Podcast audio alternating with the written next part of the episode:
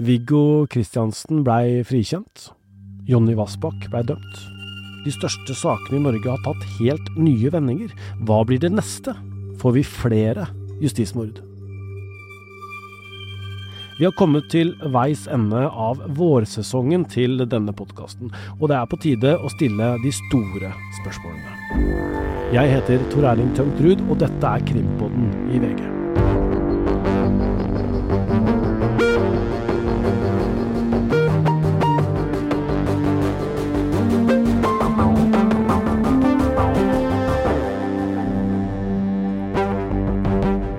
Da har vi kommet til uh, veis ende av denne sesongen, uh, Øystein. Uh, hva syns du? Jeg syns sesongen bare går fortere og fortere.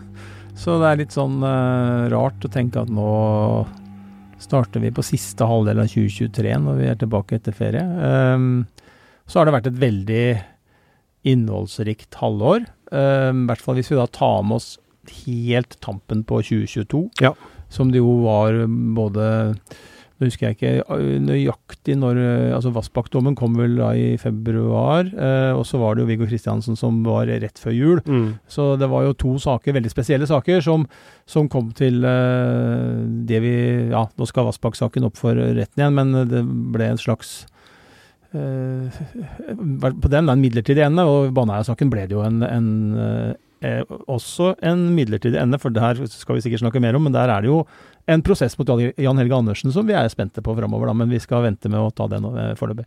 I fjor på denne tida her så satt vi akkurat og oppsummerte sesongen. Da hadde vi forfatter Jørn Lier Horst i studio, og veldig mange som hører på Krimpodden har hørt den episoden. Der vi så bl.a. inn da i, i, glasskula om hva som skjedde i Tengs-saken og i Baneheia-saken. Og, og, det gikk vel ikke så gæ... Altså, det som vi spådde ble vel ganske rett? Ja, nå skal jeg kanskje bruke anledningen, for jeg veit at jeg har uh, sagt noe som jeg merker meg at noen av og til uh, uh, har merka seg. Og det, jeg sa vel at jeg trodde Lørenskog-saken skulle få et gjennombrudd i løpet av 2022. og når vi nå har kommet halvveis inn i 2023, så er det på høy tid å si at der tok jeg feil. Mm. den saken skal vi sikkert også snakke om nå, men den er jo, den er jo litt på stedet hvil tilsynelatende fra utsida. Men men de andre sakene så ja, var det jo ikke så vanskelig, da. Det var jo mange som hadde gjort uh, mye i de sakene, så de hadde kommet langt. Så akkurat å treffe på de, det syns jeg uh, vi burde klare, ja. I dag så har vi med oss uh, mannen som løser saker, eller i hvert fall skriver om dem på, og snakker om dem på en måte som gjør at ting skjer. velkommen til Krimpodden igjen, forfatter og podkastskaper da nå, Bjørn Olav Jahr. Tusen takk. Var det egentlig du som fikk uh, Viggo Kristiansen frikjent? Nei, det er å ta i. Er, jeg, vært, eh, jeg tror ikke jeg har vært en medvirkende årsak. Eh, jeg tenker at den oppmerksomheten min første bok skapte rundt Baneheia-saken, var viktig. For det, det, man skal klare, å være at den nest siste gjenopptakelsesbegjæringen til Viggo Kristiansen, den ble avslått av kommisjonens leder alene. Og da signaliserer man jo egentlig at nå er vi ferdig, nå gidder vi ikke mer. Uh, her gidder vi ikke å involvere resten av gjengen, liksom. Jeg bare tar den avgjørelsen alene. Og så kom det en ny begjæring, og så like etter den siste begjæringen så kom også boken min. Uh, og så var det jo en del arbeid som ble gjort videre med denne siste begjæringen, som har vært veldig godt og solid arbeid, som jo har gjort at saken har blitt mye mer opplyst men i hvert fall også helt umulig å avslå uten en grundig behandling. Eh, og så skapte nok boken min da et veldig stort trykk. altså Veldig mange medier ble jo opptatt av saken. Og allerede våren 2018 så var det jo stemning blant flere store redaksjoner at denne saken her må gjenopptas. Og det var jo helt nye toner. Så det er klart det har vært medvirkende til oppmerksomheten, som igjen vil påvirke. Ja, det tror jeg er helt opplagt at uh det viser seg at eh, disse prosessene som pågår, og som kanskje går litt sånn under radaren i offentlig sammenheng, men som jo har parter, har advokater, har kanskje sakkyndige, Uh, og, og påtalemyndighetene er inne i bildet, og da kommisjonen. Jeg, jeg, jeg tror et sånt hovedtrekk vi kan se her, er at det at de får oppmerksomhet, uh, er veldig bra. Og så skal man ikke si at man liksom lar seg påvirke til at utfallet blir sånn eller sånn, men jeg tror man blir skjerpa, da. Jeg tror man er godt av det. Og liksom Se at her er det noen som tenker at uh, dette må vi se på. Uh, og det er jo rettssikkerhet i praksis. fordi at eh, Hele rettssystemet er jo bygd opp etter et legmannsprinsipp, hvor på en måte det er du og jeg og vanlige folk som, eh, som skal ha skal avgjøre om folk er skyldige eller ikke skyldige i landet her. og Da tenker jeg det også er viktig at man får inn offentlig eh, søkelys, og at det blir offentlige debatter og diskusjoner om disse sakene også etter at de er avslutta. fordi at det, ja, det tror jeg man bare kan si at det tjener på alle vis. Uh, at det er et riktig resultat, rett og slett. Men er det rettssikkerhet godt nok at uh, Viggo Kristiansen måtte begjære saken sin gjenopptatt så mange ganger, og så kommer uh, med en bok, mens liksom ingen i pressen gjør noe? Nei, og det, det evaluerer vi knallhardt i pressen nå, bare så det er sagt. og det må vi eh, virkelig gjøre noe ordentlig med, så det ikke skjer igjen. Og ikke bare prate om det nå i evalueringsrapporter og la det bli festtaler. Det har jeg sagt både internt og eksternt. Men, men, eh, men, men det, viser jo, det, viser jo, det, viser jo, akkurat det, da. At det er jo en gjenåpningsprosess som ja, utvikler seg og det flytter seg litt, men en, man kan også si at det var i hovedtrekk mye av det samme. ikke sant? Og så skjer det da at man ender opp med å bare avslå, avslå, avslå. Og så kommer det en bok fra Bjørn Olav som som uh, reiser debatt og stiller uh, det som mange syns var vonde spørsmål, uh, men berettigede spørsmål, vil jeg si. Og det tenker jeg også er litt sånn læringspunkt, da. At sånn berøringsangst og det å um, være redd for å gå inn i noe som man i, sånn, første øyekast kanskje kan tenke er edelt og at man har gode hensikter, som jeg tror mange har, det er, uproblematisk, nei, det er uproblematisk. Og og, og, det er klart at det, det, det setter uh, folk som oss da, på, på, veldig store faglige prøver. Uh, journalist, journalister, redaktører, som uh, på den siden har, får med en gang hensyn på begge sider, som skal balanseres, og som vil kanskje kollidere, hvor du må la det ene hensynet vike i forhold til det andre. Så, så, så det tenker jeg er sånn ordentlig wake-up call for mange, tror jeg. Ja, nei, det, det, er jo interessant, for det er klart at det med boken min i 2017 jeg, jeg tror ikke en sånn spesifikt brakte veldig mye nytt. Uh, jeg samlet alt sammen. Uh, og det som ble presentert, var jo Når det gjaldt bevisbildet, så var det, det var likt i 2010 som i 2017, da jeg skrev min bok også. Uh, altså det var et det lå et premiss der om at det måtte være to gjerningsmenn, fordi man hadde DNA som viste at det hadde vært to menn på åstedet.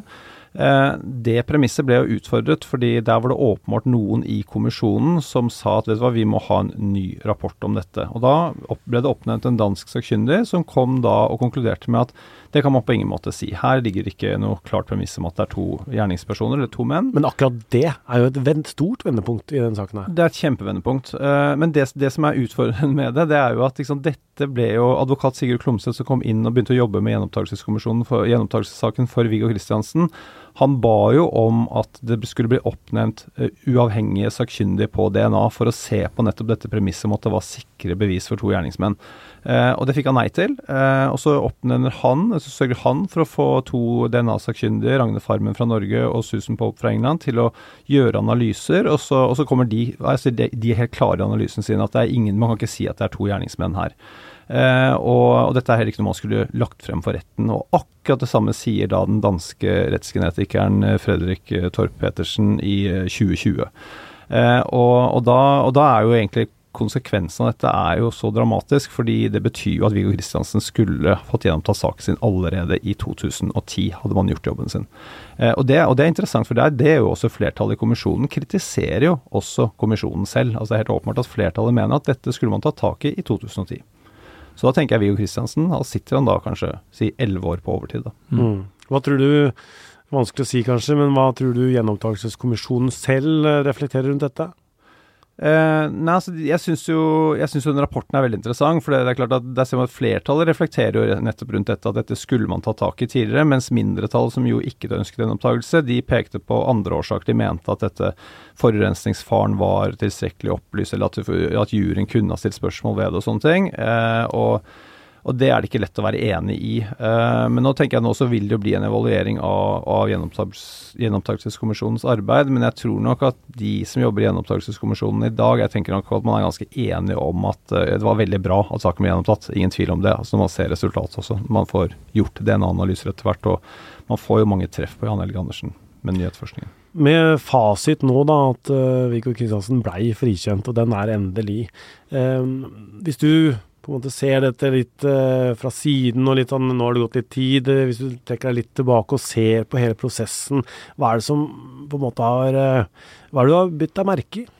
Det som er interessant, er jo sånn her, for, for, mitt vedkommende så er det sånn da jeg skrev boken min i 2017, så ble jeg jo litt sånn idioterklært. Og så på en måte når Viggo Kristiansen får sin sak gjenopptatt, når han også blir frifunnet og renvasket i 2022, så blir jo jeg er ganske geniforklart for det samme. For å ha ment akkurat det samme i 2017 som jeg mente i 2022. Og så vet jeg at liksom, boken min hadde blitt stående igjen som kanskje spekulativ, eh, hvis ikke han hadde fått eh, gjenopptatt saken sin. Mens nå som det viste seg at jeg ikke bare hadde rett, men at jeg også, også fikk rett, eh, så blir den stående igjen som, som en bauta, vil jeg mm. tenke. Mm. Og det er jo fint, men det er, det er jo ørsmå marginer, og det er jo veldig fascinerende å tenke på at det var jo 3-2, altså. Det er liksom bare tre som sier ja, og to som sier nei. og den ene som blir nestlederen, som da blir erklært inhabil, eller han er inhabil fordi han har hatt saken, jobbet, saken, jobbet med saken tidligere for regjeringsadvokaten.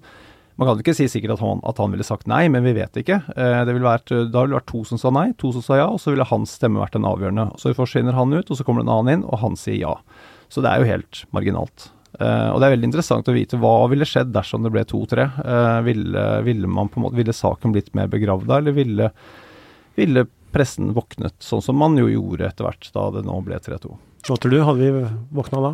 Det håper jeg jo, og så håper jeg jo nå at øh, også kommisjonen øh, streber seg på å bli enda mer åpne. Uh, og så håper jeg kanskje det er noen politikere som tenker at kommisjonen bør få noen mer ressurser. For det tar veldig lang tid. Uh, og um, noen uh, begjærer jo gjenåpning etter at de er løslatt. Men det er jo fortsatt en belastning å gå med det som eventuelt viser seg å være en uriktig dom. Og enda verre er det jo for de som sitter inne, som Viggo Kristiansen gjorde, og eh, begjærer seg eh, da løslatt, eller begjærer saken gjenåpna. Eh, og så blir man da eh, sittende kanskje unødvendig lenge fordi at ressursene ikke strekker til. Og det kan man jo ikke kritisere kommisjonen for, det må man jo rette søkelyset på i riktig retning. Og det handler jo om politikere som da må bevilge nok penger til at man kan ansette nok utredere og ha et system og et apparat i kommisjonen. Og skal man ta rettssikkerheten på alvor, tenker jeg, så, så er det et uh, sted man uh, ikke bør lure på om man skal bruke penger på. Sånn eh, Advokater som Arvid Sjødin, eh, som eh, har vært med Viggo i mange år, jo, sier jo at han ikke har noe tillit til kommisjonen og sånne ting. Men det at de faktisk åpna dem nå, og har skifta leder og gjort en del sånne ting, gir ikke det kommisjonen ny, ny tillit, da? Eh, jo, jeg tenker at uh, intensjonen med kommisjonen er god, da. Uh, og så er jeg helt enig med Øystein uh, det ser ut til at de har for lite ressurser. Det, for, det, tar for lang tid, det er for mye køer. De, jo, de, har jo mulighet til å gjøre egne utredningsarbeid, som de nok sjelden i praksis gjør. De fleste gjennomtakelsessaker er vel at folk blir erklært utilregnelige, istedenfor tilregnelige som de først ble dømt på. Eh, så, så, det er klart at det, der finnes jo potensial til å gjøre mye. Og så er det jo det et paradoks også, ikke sant. Altså, vil man Hva skjer dersom veldig mange saker blir gjenopptatt? Uh, altså har man uh, har man kapasitet til å ta seg av det? Er man redde for at det eventuelt kan gjøre noe med folks oppfatning av rettssikkerheten? Jeg håper jo ikke det. Jeg håper jo at, at, at man vil være mer tilbøyelig til å se på bevisbildet på nytt i saker, sånn som man jo etter, et, etter mye om og men ble i Viggo Kristiansens sak. Da. For det er helt, helt klart at eh, det er ikke det at jeg tror at det er mange justismord, men at det er en del, det, det ligger i kortene. Det er jo 16 000-17 000 saker som går for retten i året. Eh, og, å si, at, eh, si at man f.eks. er en del saker så er man sånn 70-80 sikker på skyld, da. Eh, og så dømmer man, eh, som jo ikke vil være helt uh, usaklig å gjøre. Og så, vil det kanskje 20-30 av de tilfellene være til, tilfeller hvor folk faktisk er uskyldige. Så, så, hver eneste dag så er det noen som blir dømt uskyldig. Det, det tror jeg man må bare, bare innse. Hver eneste dag? Ja, altså det er så mange saker. Det er klart det. Sånn statistisk sett så vil det være det. Tror du det, Øystein? Det er jo veldig vanskelig å si, men at det er en del av de sakene, og uansett for mange, da. Hver sak er jo en for mye. Fordi at ehm, eh, beviskravet skal være strengt, eh, og skal man liksom ta på alvor da, å være en rettsstat som man kan liksom virkelig være stolt av, så må jo målet her som med alle andre negative statistikker være å komme ned til null. Mm. Så kan du godt si at det er sannsynligvis ikke mulig, men, men man kan ikke liksom ha noe annet mål likevel. Når vi snakker om disse sakene som kommer opp i kommisjonen, da, gjennomtakelseskommisjonen eh, for straffesaker, som det heter, så, så, er det jo sjelden at det er de det kjente drapene og de store sakene. ikke sant? Eh, saken rundt Viggo Kristiansen har gjort at eh, kommisjonen har blitt kjent for eh, de fleste av oss. ikke sant? Men der folk blir eh, frikjent mest, er hvis de blir dømt, som du sier, eh, som tilregnelige men så viser det seg at de var utilregnelige allikevel, og, og, mange av de sakene handler om eh, eh psykisk utviklingshemming. Mm. Eh, det, er de, ja, det er jo saker som går under radaren. Mm. Ja da, og det, det er bra at, uh, bra at, de blir gjenopptatt. Uh, og, men der kan man jo kanskje Kanskje kommisjonen skulle vært delt i to. Kanskje noen skulle vært spesialister på og jobbet med, med straffesaker som handler om bevisbildet. Og så mm. disse, disse tilregnelighetsvurderingene er noe annet, da. Så ja. Nå, nå, tenker jeg sånn, dette med, dette med sånn slags nullvisjon for at uh, ingen skal bli feilaktig dømt, den, den, den er urealistisk. Altså, og Det tenker jeg sånn, jeg, det som er liksom min sånn, om ikke kjeppe, så tenker jeg det er liksom viktig å være klar over at, over at urett dessverre skjer, uh, og at man kommer ikke unna det. Uh, og, og, det er mennesker uh, i, alle, i, alle, kjeder her. Altså det starter med at det er noen politimenn som gjør en, et arbeid, politifolk. Uh, og og at eh, påtale vurderer. Også, så, så det liksom, feil kan oppstå hele veien, men, eh, men eh, jeg, jeg, opplever jo på en måte nå er det jo blitt mye, mye mer diskusjon rundt det, da, og jeg opplever liksom også at også at f.eks. dommere er blitt mye mer åpne til å prate om det. altså sånn Mye mm. mer oppmerksom på at, ja, at faktisk ting kan gå gærent. Øh, og og Det er fint uh, å se den bevisstheten her. Og så fint å se at, at mediene også kanskje, sammenlignet med tidligere, som jeg syns nok at norske medier har vært for servile. da, altså vært for liksom det som skjer i retten, det skjer i retten, og det er bra, liksom. Og det er, det er solid. For det er jo en grunn til at vi har ankesystemet i utgangspunktet. For det, det, er jo en del saker hvor det går gærent. Uh, og selv om det er to rettsrunder, så er det ikke riktig at det har gått riktig heller. Og så, og så kommer du inn i en gjenopptakelsesprosess hvor f.eks. Viggo Kristiansen havnet jo veldig mange ganger, og det var liksom kronargumentet jeg alltid ble møtt med når, når jeg hevdet at Viggo Kristiansen var skyldig. Så sier folk ja, men han er dømt i to rettsinstanser, og gjenopptakelseskommisjonen har sagt nei fire ganger, pluss to klager. Liksom, ferdig snakka. Um, og det er, det, Følgefeil er veldig enkelt, altså. Uh, mm. det, det, er liksom Veldig ofte så, så, vil jo liksom begjæring nummer fire bli avslått fordi begjæring nummer tre ble avslått. Ja, og da vet vi jo at uh, saken mot uh, Viggo Kristiansen ble gjenåpna, og han uh, blei frikjent. Men det har også ført til at påtalemyndigheten har begjært saken mot Jan Helge Andersen gjenåpna. Ja, og det er jo kanskje noen som tenker at er det mulig, for man hører jo kanskje oftest om at noen føler seg, hevder seg mener seg uskyldig dømt, og, og, og ber om gjenåpning. Typisk de sakene vi snakker om nå. To av de store ene er avgjort, uh, Viggo Kristiansens sak, og en annen stor sak er i kommisjonen, Orderud-saken. Men, men, ja, det er også mulig for påtalemyndigheten å begjære gjenåpning uh, til ugunst, som det heter på jusspråket, for uh, den som da er dømt, sikta eller, ja, eller har vært inne i en sak. Vi har sett det noen ganger. Kristin Juel Johansen-saken, så var jo en mann inne i etterforskningen og ble dømt i én instans, og så trakk vel påtalemyndigheten saken, og han ble nedlagt frifinnelsespåstand i lagmannsretten fordi det var mangla bevis. Så dukka det nye bevis, og så gikk eh, politiet, påtalemyndigheten, til uh, gjenopptakelseskommisjonen og ba om en opp, at det skulle bli gjenåpna. Og det fikk de. Og det samme er jo nå med Jan Helge Andersen. Han har jo fått en dom, han har jo sona. Men så er det jo da begjært å få gjenåpna dommen, fordi at man da Og da for det første så tror jeg, bare så det er sagt, at jeg tror ikke det er den tvilen rundt det som det har vært rundt uh, Viggos sak. Um, jeg tror Jan Helge Andersen sin sak blir gjenåpna. Uh, fordi at, uh, ja Påtalemyndigheten har bedt om det. Jeg tror ikke kommisjonen kommer til å si nei til det. Så er jo spørsmålet hva påtalemyndigheten kommer til å gjøre da. Hva de kommer til å mene at de kan føre bevis for. og der er det jo viktig å si at én ting er hva påtalemyndigheten måtte mene at uh, Jan Helge Andersen har gjort og ikke gjort. Noe annet er hva man føler man kan føre bevis for. og uh, Bare sånn helt generelt så er det utgangspunktet. Uh, og så, så, blir det spennende å se hvordan den saken utvikler seg. fordi at det er jo dramatisk, skyld eller ikke skyld, så er det klart at det er jo en dramatisk situasjon at man får en sak mot seg gjenåpna etter så mange år og risikerer å komme i, i, i retten igjen. Og han risikerer jo mer straff, fordi at han da Eh, kan bli dømt for begge drapene. Eh, så, så, det er en eh, sak som jeg vi, vi sitter jo her nå med spåkula foran oss, i hvert fall sånn uh, virtuelt sett. og det, jeg, jeg, tror den avgjørelsen kommer til høsten da, fra kommisjonen nå, ganske fort. At uh, kanskje også Det er vel et møte nå rett før sommerferien, kanskje kommer det da òg, uh, men, men, jeg tror den avgjørelsen kommer snart. og, og da er det i gang en, en prosess i påtalemyndigheten med tanke på hva som skal skje med Jan Helge Andersen. Jeg veit at du har eh, teorier om hva som skjedde i Baneheia, Bjørn Olav. Men hvis du på en måte ser bort ifra det, og mm. tenker på hvilke bevis som nå eh, foreligger, eh, har det kommet noe nytt på en måte som, som, gjør, som gjør denne saken annerledes? Ja, altså nå skal vi jo se inn i glasskula her, og, og, jeg er helt sikker på at Jan Helge Andersen, at den saken her blir gjenopptatt. Altså Kommisjonen sier ja til det. De, de, har vel, Historisk sett så tror jeg ikke kommisjonen noen gang har sagt nei til påtalemyndigheten, og påtalemyndigheten har ønsket å gjenoppta en sak.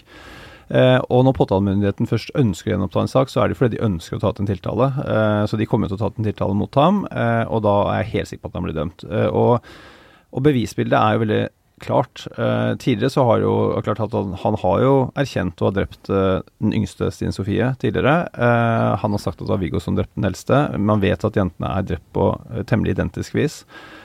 mens nå er det, det aller viktigste det er at nå har man jo funnet DNA fra Jan Helge Andersen på begge jentene. på veldig mange kompromitterende steder. og man har ikke funnet noen ting fra Viggo Kristiansen som jo Jan Helge Andersen påstår var den aktive på åstedet mens han selv satt med ryggen til. Så man vet jo at Jan Helge Andersens forklaring ikke er sannferdig. Eh, det, det, er det jo mange som har visst lenge, men, eh, men nå er det ettertrykkelig bevist også, eh, og bevisbildet er veldig sterkt. altså Disse DNA-bevisene er sterke. Så jeg vil tenke sånn det er ualminnelig sterkt bevisbilde. Jeg tenker at man, Det er sjelden man har et sterkere bevisbilde å gå i retten med. Så, så jeg tenker at påtalemyndigheten er ikke redde for å ta ut tiltale mot Jan Helge Andersen. Han sitter jo på en måte i den samme situasjonen som man nevnte mannen i Kristin Juliansen-saken gjorde. ikke sant? For der var det jo nettopp DNA som dukka opp. Man hadde ikke den DNA-teknologien tilbake da i 20, ja, 2000-2001, og så var det vel eh, eller 2002-rettssaken gikk. Jeg husker ikke helt det farten nå, men det var helt på begynnelsen av 2000-tallet. Uh, eh, og så fikk man jo ny teknologi underveis, som vi har snakka om mange ganger, og fikk jo da til slutt fram en full DNA-profil. Og da ble han tiltalt og ble dømt. Uh, men Jahr sier at han er helt sikker på at Andersen blir dømt. Uh, for oss er det vanskelig å være bombesikker på sånne ting, da. Ja, altså nå skal jo sies at nå skal selvfølgelig retten ta stilling til det, men det, er, men det er jo Jeg tror rent sånn uh, statistisk sett, da, så tror jeg man har god støtte i å se at én, påtalemyndigheten, som Jahr sier, får gjenåpning. To, når påtalemyndigheten først går til det skrittet, som det er en terskel for, for du, og særlig tenker jeg det er det i saker hvor du er dømt og har sona, så tenker jeg at man gjør ikke det sånn eh, helt uten videre, det gjør man aldri da, men altså, du skjønner hva jeg mener, at man, man er veldig, veldig, veldig veldig sikker uh, på at man har en sak. Så det er jeg ikke i tvil om, at påtalemyndigheten mener at de har en sak mot han. Det er jeg 100 sikker på. Og så skal vi jo ta det forbeholdet for å, for å være på en måte ta og nevne det, at selvfølgelig er det sånn at retten skal, skal uh, vurdere og dømme og sånn, men, uh, men, utgangspunktet her er jo et, et veldig annerledes bevisbilde. Og Eh, for å bare balansere og lene meg på erfaring. DNA, gjerningsrelatert DNA, ender veldig ofte med dom. Det er Svein Holden som forsvarer Jan Helge Andersen. Og, fra den parten så kommer det jo at de, de, står på den historien som ble fortalt den gangen, og, og mener at ingenting har forandret seg. Sant? de mener jo at, at han ikke da skal dømmes med det. Ja da, vi, vi, skal bare få si det. Selvfølgelig skal uh, Jan Helge Andersen betraktes som uskyldig til motsatt av bevis. Nå må han få den rettssikkerheten som Viggo og andre ikke har fått. Du skrev jo bok om uh, Birgitte Tengs-saken også, Bjørn Olav. Uh, som jo på en måte var med å, å, å, starte den nye etterforskningen der, eller i hvert fall var i samme tidspunkt. Eh, den ble jo tatt opp av Cold Case-gruppa, ikke sant. Og nå, nå, ble det en ny etterforskning. Og en ny mann som ble dømt. Den samme mannen som du peker på i den boka di. Mm. Den uh, saken skal jo opp igjen nå som en ankesak i lagmannsretten i, til høsten, i september. Mm. Eh, men, men, du var der da, da den dommen uh, ble lest opp mot Jonny Vassbakk i Haugesund tingrett, eller i tingretten i Haugesund. Mm. Hva tenkte du da? nei Det var som ventet. Eh, altså, eh, men, og her snakker vi også om DNA, eh, som jo felte Jonny Aasbakk. Og til sammenligning med Jan Helge Andersen, så er det jo lite DNA man har funnet på, fra Jonny Aasbakk på innsiden av Birgitte strømpebukse, men den er nå tross alt hans, da. Eh, og, og, det er vanskelig å forklare hvordan den skulle ha kommet der på noen annen måte enn at det er relatert til drapshandlingen. Og det syns jeg er veldig positivt med, med den rettssaken, som jeg jo fulgte mye av. Eh, en del live og en del eh, via link. Det var at, at jeg oppfattet jo påtalemyndigheten til å være veldig opptatt av å finne ut av hva kan være alternative forklaringer. Altså man hele tiden, Istedenfor å bare liksom bore seg ned i det som liksom nå har, vi, nå har vi beviset, nå skal vi liksom bygge opp under det, så var de opptatt av å vise hvordan det kunne være at det, mulig at det ikke var bevis. Eh, så, og Dermed så på en måte sjekker de ut alle andre eventualiteter på en veldig god måte, syns jeg. Eh, og dette var igjen også presentert veldig godt i dommen. Eh, så, så, jeg opplevde den eh, Jeg opplevde at hans rettssikkerhet ble tatt veldig godt vare på. Jeg opplevde at forsvarerne hans gjorde en veldig god jobb. De gjorde det de kunne for å så tvil om dette DNA-beviset. De gjorde alt hva de kunne for å peke på at det at Jonny Aasbakk har en veldig problematisk fortid, hvor han har overfalt kvinner mens han selv er seksuelt opphisset, han har både slått og han har kvelt, ting som jo peker på at det samme vet man skjedde jo med Birgitte, ikke sant.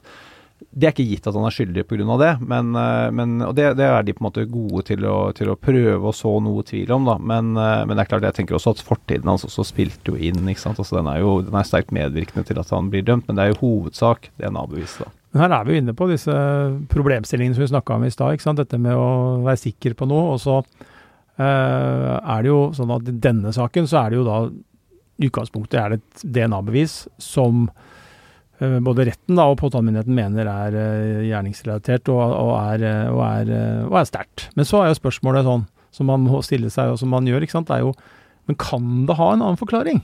Kunne jeg bare si en ting når det gjaldt dette, fordi du var inne på det at jeg, jeg peker jo på Jonny Vassbakk i boken min. Uh, og, det, det har alltid uh, vært veldig viktig å understreke at uh, den gangen jeg pekte på han, så pekte jeg ikke på han for å si at han er drapsmannen. Jeg pekte på han for å illustrere hva politiet ikke hadde gjort av helt nødvendig etterforskningsarbeid. For det var så mye rundt Jonny Vassbakk som burde fått alarmklokkene til å ringe. Ikke sant? På flere anledninger så har politiet De har ham egentlig. Eller sånn, de har ham godt inne, da, eh, men de slipper ham. Eh, og, og, det er veldig, det er sterkt kritikkverdig. Han ble jo tipsa om av, av, politifolk ganske fort etterpå. Ja, ja, eh, så ble mm. han tipsa om som en moduskandidat. Så det er jo Ja, jeg er enig. Det er jo uforståelig at man ikke trakk inn han tidligere og på en måte gikk etter ham. Og, det, og så er jo det Ikke sant. Det er jo kan være delte meninger om det, da. og så ta tak i noen og peke på noen. Men jeg tenker sånn, hvis man ikke skal kunne gjøre det, så fratar man jo på en måte da sånne som Bjørn Olav, som skriver bok, lager podkast, liksom muligheten til å på en måte uh, stille de kritiske spørsmåla i en veldig konkret form. Uh, og så er det måten man gjør det på, sånn selvfølgelig, og identifisering og Han var jo anonymisert, selvfølgelig. I boka, ja. Ja, ja, ja. Mm.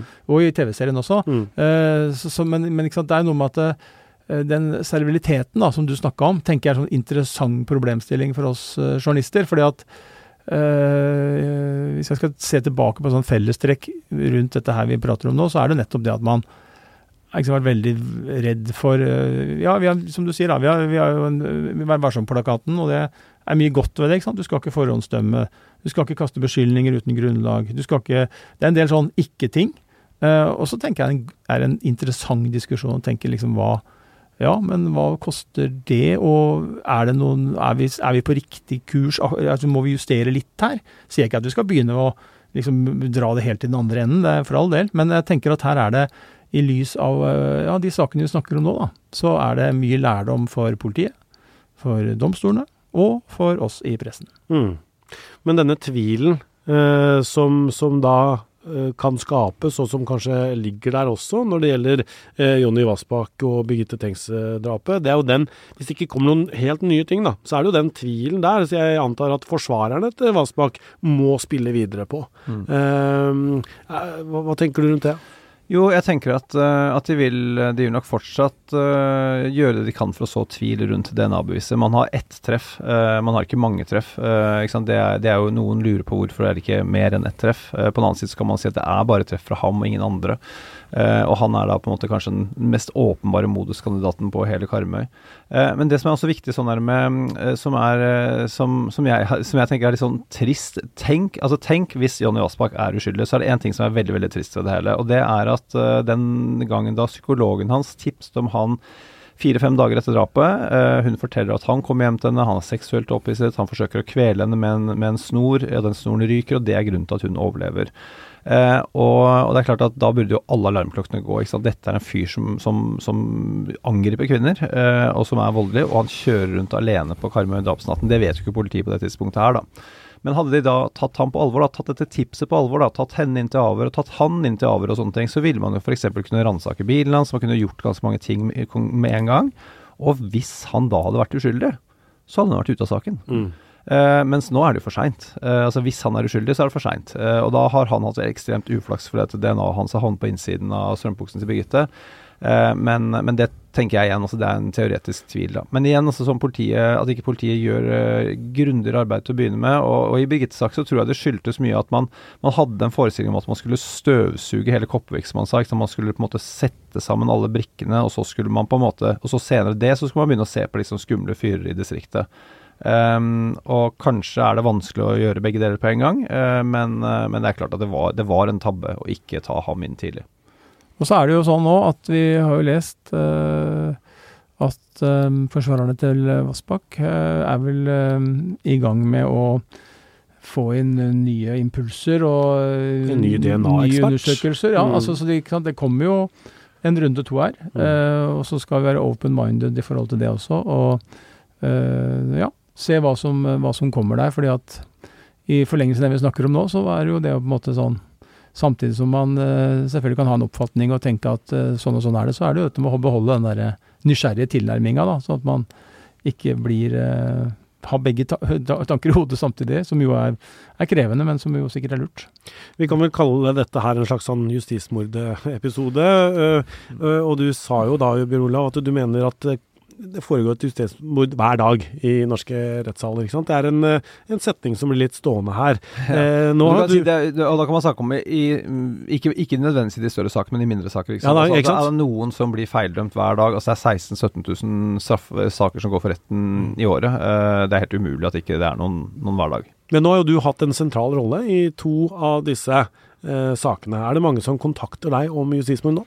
Ja, det er veldig mange. Uh, så, og det er, uh, og det er en, Jeg syns det er en del interessante saker jeg får inn også. Nå får jeg jo da de gjerne presentert uh, kun fra én side, så dermed så, så kan jo det Det har jo selvfølgelig en medvirkning. Så for min del så er det alltid viktig å få tak i alle dokumenter, sånn at man ser liksom argumentene på begge sider. da. Men, men, at det finnes Det er jo, det er jo mange saker som er vanskelig. ikke sant? Så jeg får jo f.eks. inn ganske mange voldtektssaker. Mm. Eh, og det er veldig lett å tenke seg at, uh, at det dømmer Altså man sier at det, det, foregår ganske mange voldtekter, det er veldig få som dømmes. ikke sant? Så når man endelig på en kan si har én eh, person fremfor seg, så man tenker at her har vi noe kanskje konkret, her har vi noe bevisbilde å jobbe med og sånne ting, så vil man kanskje være ganske klare for å dømme. da. Eh, det er i hvert fall en del av de folka som da har blitt dømt, som føler seg utsatt for det. da.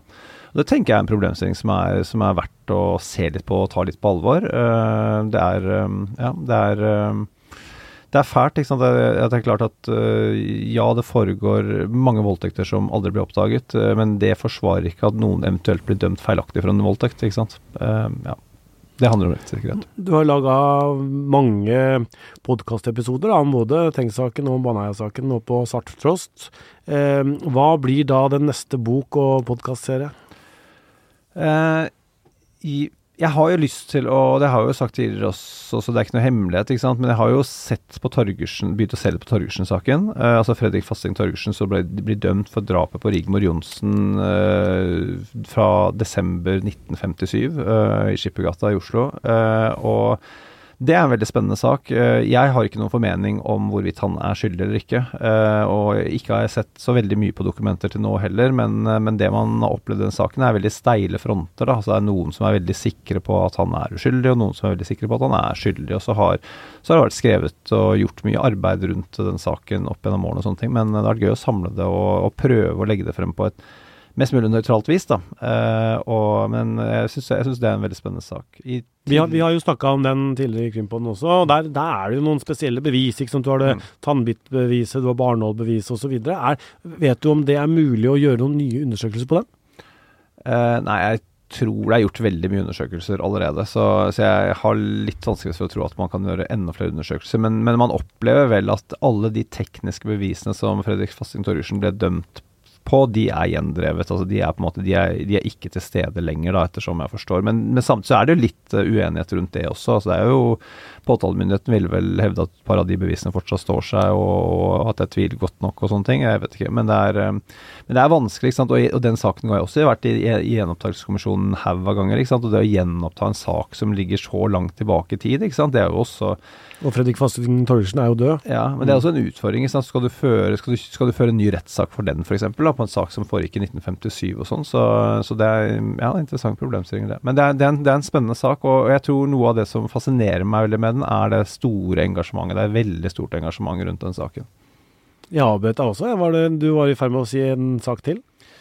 Ja, eh, men det er en sak som jeg ikke kan si så mye mer om, annet enn at, den, eh, at det er en sak som, som, jeg har en veldig sterk oppfatning av at kan være feil. Eh, at det er en person som har sittet i fengsel i svært mange år. Eh, men uh, alt avhenger egentlig av om vedkommende er noe interessert i. Altså, det er ganske tøft å si at du har sonet mange år for en uh, alvorlig forbrytelse, og så slipper du ut, og så er det noen som kontakter deg og sier at jeg tror kanskje dette er feil. Uh, så er det ikke gitt at vedkommende ønsker å snakke om det, for det, det er ganske mye å rippe opp i. Mm. Altså, det, man snakker jo alltid om at det er tøft at det skal rippes opp i for, for ofrene og ofrenes familie, og det er det jo, men det kan jo også være veldig tøft å rippe opp i for en som er dømt. da. En sak som også ligger på gjenopptakelseskommisjonens eh, bord, er eh, Orderud-saken. Eh, der Per Orderud og Veronica Orderud har begjært saken sin gjenopptatt. Det er mange folk som har jobba i lang tid for å skaffe nye momenter og bevise den saken der, Øystein. Og du kjenner jo den saken veldig godt. Der har du skrevet bok og laga TV-serie. Hva tror du skjer framover der, da? Nei, altså jeg er veldig spent på den prosessen. Uh, Ordresaken eh, etterlot seg jo mange ubesvarte spørsmål, eh, og tre av dem, som jo bare eh, Bare tre av dem, som er veldig sentrale, er jo én. Ingen ble dømt for å ha begått drapene. To. Ingen ble dømt for å ha begått attentatforsøket med, med såkalte gass i, i, hjemme hos ekteparet Paust. Og tre, ingen ble dømt for å ha utført det første attentatforsøket, det som såkalte dynamittbombeattentatet. Eh, og det er jo Så ble fire stykker dømt for medvirkning til overlagt drap. Eh, og det var tvil i første runde om Lars Grønnerøds rolle, som da fikk en dom for uaktsom medvirkning til overlagt drap. Eh, ikke sant? Og jeg bare nevner dette her, så, så skjønner jo alle at her er det ikke noe fasit, i hvert fall. Og på toppen av det så er det jo en klassiker av en sak hva gjelder et samla bevisbilde. Og når jeg sier samla bevisbilde, så er det igjen det vi snakka om før i dag. Um, at man må vurdere uh, uten noen fasit, uten noen modell, uten noe prosentkrav eller noe som man kan navigere etter på noe vis. Uh, man må bare legge sammen en bunke med bevis og se det opp mot uh, det som taler den ene veien og den andre veien. og så må man jo finne ut om man skal dømme noen eller ikke. Og det Orderud-saken har jo heller ingen tekniske bevis. Det er ingen DNA Eh, per nå, i hvert fall. Um, så, så, så, det gjør jo at den saken er uh, selvfølgelig sånn bevismessig veldig spesiell. Og så er jo hele saken i seg sjøl, med at man har en, en dame og en ektemann da, som døde av kreft, men, men en, en av de to, tre ofrene i kårboligen har så vidt utsatt for to attentatforsøk. Uh, hjemme i sin egen leilighet, uh, som vi har jo vært der, Tor Erling, på en episode. før hun da blir funnet drept hjemme hos foreldrene, som også er drept. Så det, uh, ja, det er jo en sak som blir veldig veldig spennende å se om det har kommet frem noe nytt. Uh, kommisjonen har hatt den lenge. Tore Sandberg, etter privatetterforskeren, har jobba lenge med den. Og jeg tror kommisjonen også har drevet med utredning, etter det jeg vet. så, så spennende. Og er det én ting jeg håper på, så er det jo at man kan få nye svar. Det er, og, og hvilken vei de går, det er helt likegyldig, selvfølgelig. Det er viktigst at man kan kanskje håpe på, da. Jeg tror ikke noen løsning kommer, men at man kan få nye svar som gjør at man får et, et mer opplyst bilde av saken. Dette med Orderud-saken, Bjørn Olav, har du sett på den? Altså, det er jo en sak som Den er så stor, det er jo så mye i den saken der. Det er jo ikke bare bare å sette seg rett inn i den. Nei, absolutt ikke. Jeg har fått ganske mange forespørsler om å gjøre noe på den, jeg også, men jeg har ikke gjort det. Jeg har sett uh, TV-dokumentarserien som Øystein var med å lage, som jo var veldig interessant. Eh, og jeg har også jeg lest en veldig god bok av Line Nordmann Hjort eh, som heter 'Fortellinger fra rettssak' ja, Jeg husker mm. ikke helt uh, tittelen på den lenger nå. Men uh, hvor hun har jo da sett alle video... Altså for det, her, man, her har man jo faktisk videofilmet ikke sant, ja. fra retten og sånne ting, som jo gjør at man har jo noe å gå etter der, da. og og det syns jeg er veldig interessant, for her, er det jo, her ble jo Kristin Kirkemo ble vel i veldig stor grad trodd på forklaringene sine. Altså det var hun som på en måte ble den, den, som, den som, snakket. Uh, og og det er interessant å både se Både interessant og litt vondt å se liksom disse forskjellige aktørene i retten og sånne ting, og, og, og litt sånn hvordan, hvordan de har det, eller hvordan de oppfører seg og sånne ting. Og, og tenke også liksom på at det på en måte har en veldig sånn, hatt en sterkt medvirkende årsak til kanskje f.eks. at altså Folk har ofte tenkt sånn Ja, Per Orderud han ser jo veldig tafatt ut, og han ser jo veldig duknakka og skyldig ut der han står og sånne ting. Men men det, det, det, klarer jeg på en måte ikke å være med på. Altså sånn, fordi det, det, er jo en enorm vanskelig situasjon han er oppe i. og sånne ting, så det, er, så er bevisbildet hele tiden som er interessant her. ikke sant, og um, ja, det var litt smart den gangen da man tok ut tiltale for medvirkning. ikke sant, For det, å kunne bevise disse drapene er jo, har jo vist seg å være umulig. Men uh, ta tiltale på medvirkning, det, gikk veien, da. Uh, men, og fikk like lange straffer? Ja, uh, men, men jeg, har, jeg, har, jeg, har, ikke noe formening om det er riktig eller galt. Altså. Jeg, jeg kan ikke saken godt nok. Men, men den er selvfølgelig gjerne spennende. En ting som slår meg når vi sitter her ikke sant? Vi sitter her og snakker om gamle saker. De skjedde på 90-tallet og Baneheia da i 2000. Det blir sånn, litt sånn ikoniske eh, saker. Litt sånn historiske saker. har vi ikke sånne type saker lenger? Uh, Lørenskog. Ja. Vi har Lørenskog, vet du. Vi har det. Så det, det og vi har Lett å glemme Lørenskog. Ja da, vi har jo hatt saker som har vært veldig spesielle ellers av nyere tid også. Vi har jo hatt, uh, vi har jo hatt den såkalte Bertheussen-Wara-saken. Uh, det var jo en veldig, veldig spesiell sak, hvor, hvor som vil mange vil huske at uh, justisminister som han var da, daværende samboer, ble jo, ble jo sikta, tiltalt og dømt for å ha iscenesatt trusler mot seg selv og sin egen familie i denne striden som ble kobla til teaterforestillingen. Eh, det vil også fremstå som en veldig spesiell og unik sak i historien, tror jeg. Lørenskog-saken tror jeg eh, Nå er vi midt oppi den, men jeg tror den vil eh, også fremstå som en av de aller mest spesielle sakene. Du kan si at alle disse sakene er jo veldig tragiske. Men det finnes jo flere saker av sånn type Dessverre så finnes det jo flere saker av sånn type ung kvinne drept av mann, eh, og ja, funnet tildekka eller skjult. Dessverre så viser historien at dem, dem finnes det jo flere av. Eh, mens sånn, sånn som Lørenskog-saken, altså, hvor plutselig kommer kryptovaluta inn, et kidnappingsbrev. Eh, politiet tror ikke at det er det som har skjedd. Eh, man har en motpart som sitter og kommuniserer etter at hun forsvant. En kvinne er bare tatt ut fra hjemmet sitt, og man aner ikke engang om hun strengt tatt da, Eh, så tror jeg at hun er død, men man har ikke funnet et lik. Det, er.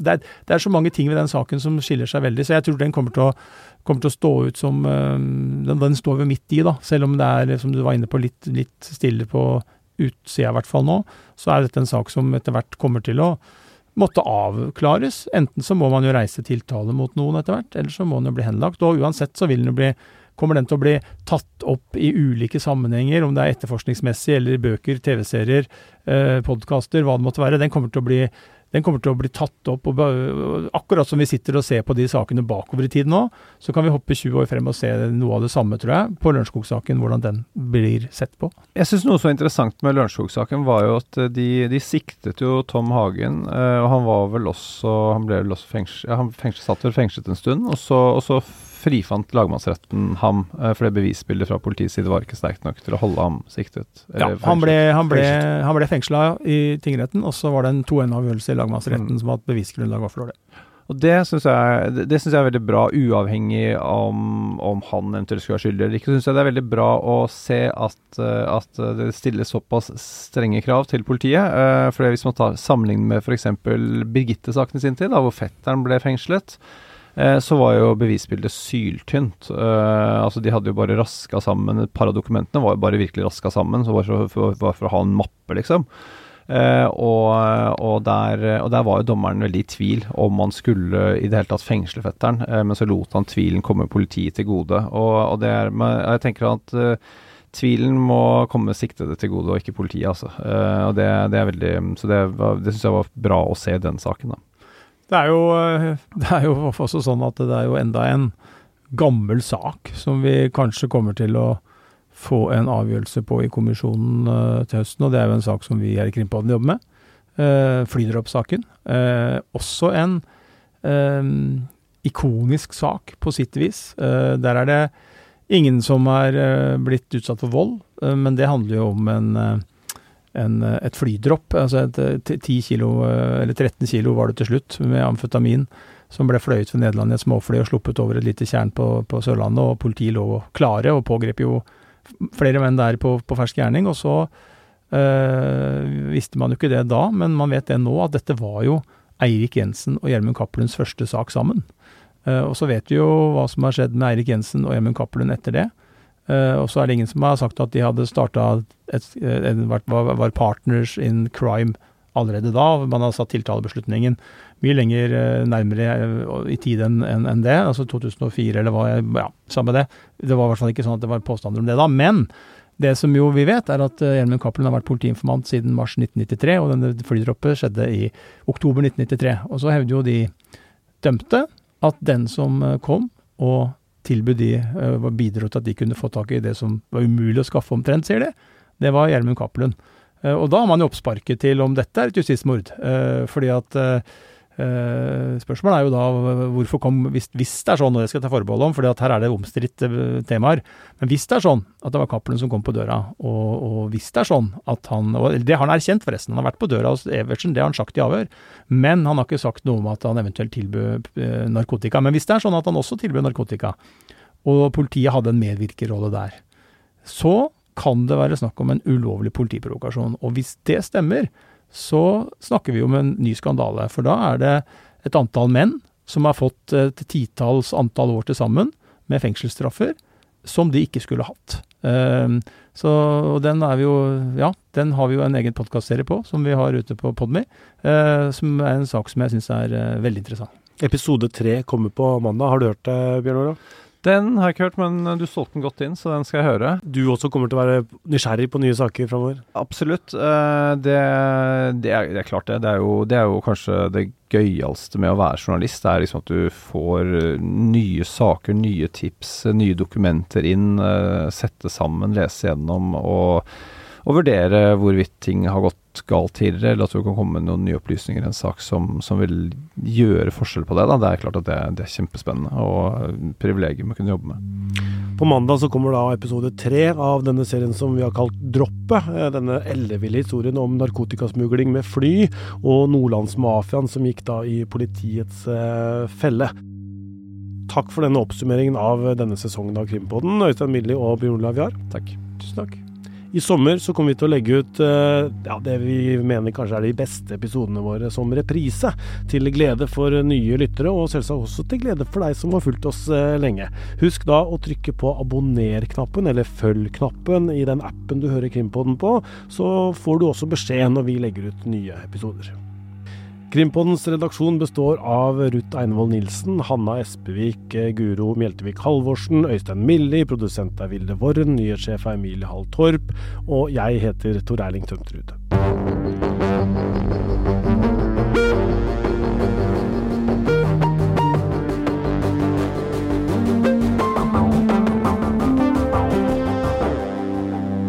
Du har hørt en podkast fra VG. Ansvarlig redaktør Gard Steiro.